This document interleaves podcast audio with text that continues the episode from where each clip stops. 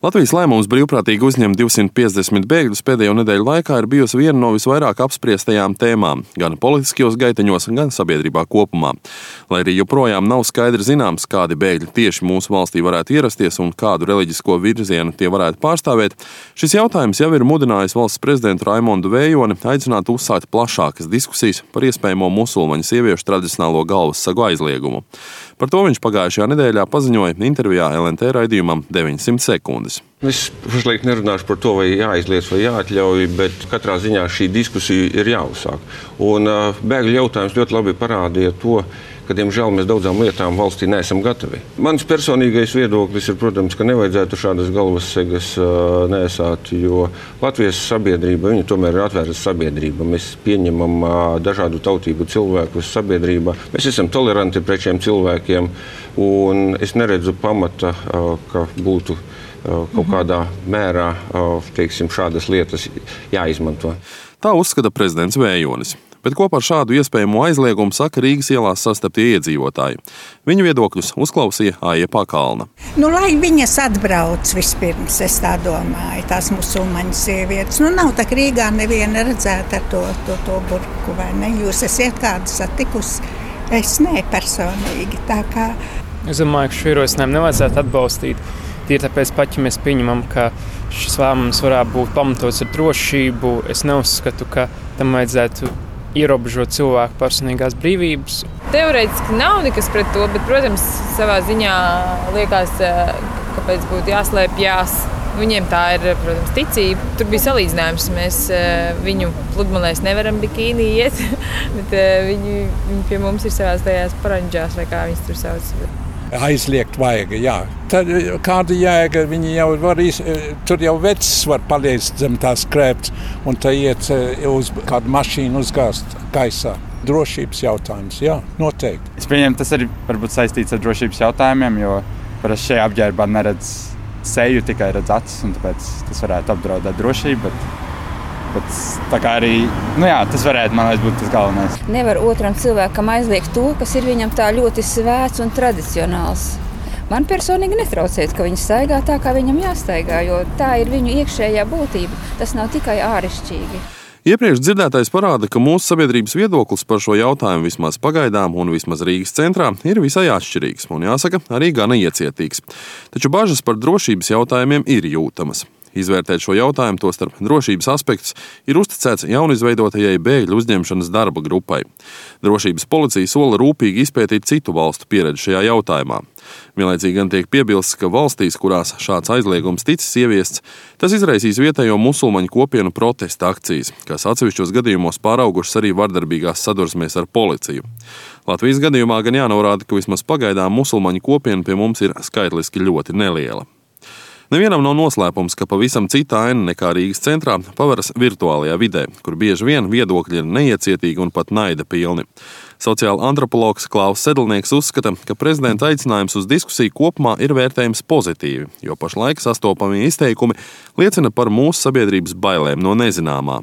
Tur ir dažādas bailes no svešādā, vispār cenšanās kaut kā sevi pasargāt no kaut kādām uh, ārvalstu ietekmēm un apvienojumā ar tādu iedomīgu pārākumu sajūtu un, un nu, noteikti tur ir arī savu daļu rasismu un tādu, tādu negatīvu iezīmi. Bet tas ir savā ziņā arī saprotama tāda reakcija saskaroties ar kaut ko nepazīstamu, ar kaut ko tādu, ar kuru līdz šim mēs neesam sastapušies un par ko mēs zinām tikai no, no tādām diezgan sensacionālām ārzemju ziņām, kuras saistītas ir ar kaut kādām šausmām, briesmām un apdraudējumu. Un līdz ar to tās bailes ir, un baiļu situācijā vienmēr reakcijas ir stipri pārspīlētas un bieži vien neadekvātas. Klaus Sedlnieks arī norāda, ka Latvijā pašlaik ir izveidojusies labvēlīga augsne tam, lai šādi izteikumi, kas citkārt tiktu uzskatīti pat par tumsonīgiem, tiktu pieņemti. Turklāt līdzīga situācija ir izveidojusies gan uz austrumiem, gan rietumiem no Latvijas, gan piemēram Krievijā, gan arī Eiropas valstīs. Turklāt iespējams, ka savā ziņā konservatīvo ideju aizstāvjiem politiskajā līmenī pašlaik ir zināmas priekšrocības. Man šķiet, ka pašreizējā mirklī ir arī redzams tas, ka nu, Latvijas tādi intelektuālie spēki, kuri varētu dot kaut kādu argumentāciju pret šīm negatīvajām iezīmēm, ir kaut kā stipri pieklusuši un sakautrējušies, nobijušies no tā publiskās nepatikas, kas pret viņiem bieži vien tiek vērsta. Bet, ja šādas diskusijas tiktu veicinātas, diskusijas jebkurā gadījumā ir pozitīvas un, un ved pie kaut kāda konsensa veidošanās. Es esmu optimistisks tajā ziņā, ka noteikti šīs eh, diskusijas vestu pie labāka, racionālāka, plašākam cilvēku lokam, ne tikai ekstrēmi noskaņotajiem pieņemamiem eh, rezultātiem. Dažādās līdzinējās diskusijās un interneta komentāros bieži vien izskan viedoklis, ka daudzu bēgļu mērķis, ierodoties kādā no Eiropas valstīm, ir izmantot šo valstu labklājības un sociālo sistēmu sautīgiem mērķiem, kļūstot par tā dēvētajiem ekonomiskiem imigrantiem. Un atkal, bieži vien īpaši tiek izcelti ieceļotāji no musulmaņu apdzīvotajām valstīm. Kā norāda Latvijas tiesības sargs Juris Jansons, Latvijas gadījumā šādām bažām īsti nav pamata, taču arī mūsu varas iestādēm būtu laiks izstrādāt politiku, kas šādus scenārijus potenciāli novērš. Es domāju, ka Latvija nebūtu gatava šādam scenārijam. Tas ir viens, un otrs, ka no tāda sociālo jautājumu vai sociālās politikas eh, viedokļa, nu, Latvija, es domāju, šiem cilvēkiem ir absolūti nepievilcīga. Jo šeit jau arī mūsu pašu dzīvotājiem pilsoņiem ir no sociālās drošības viedokļa vai no sociālo atbalsta, teiksim, pasākumu, pensijas kaut vai skatāmies, jā, tad, nu, viņi ir ļoti nepievilcīgi, lai neteikt, ka, nu, diezgan sociāli netaisnīgi.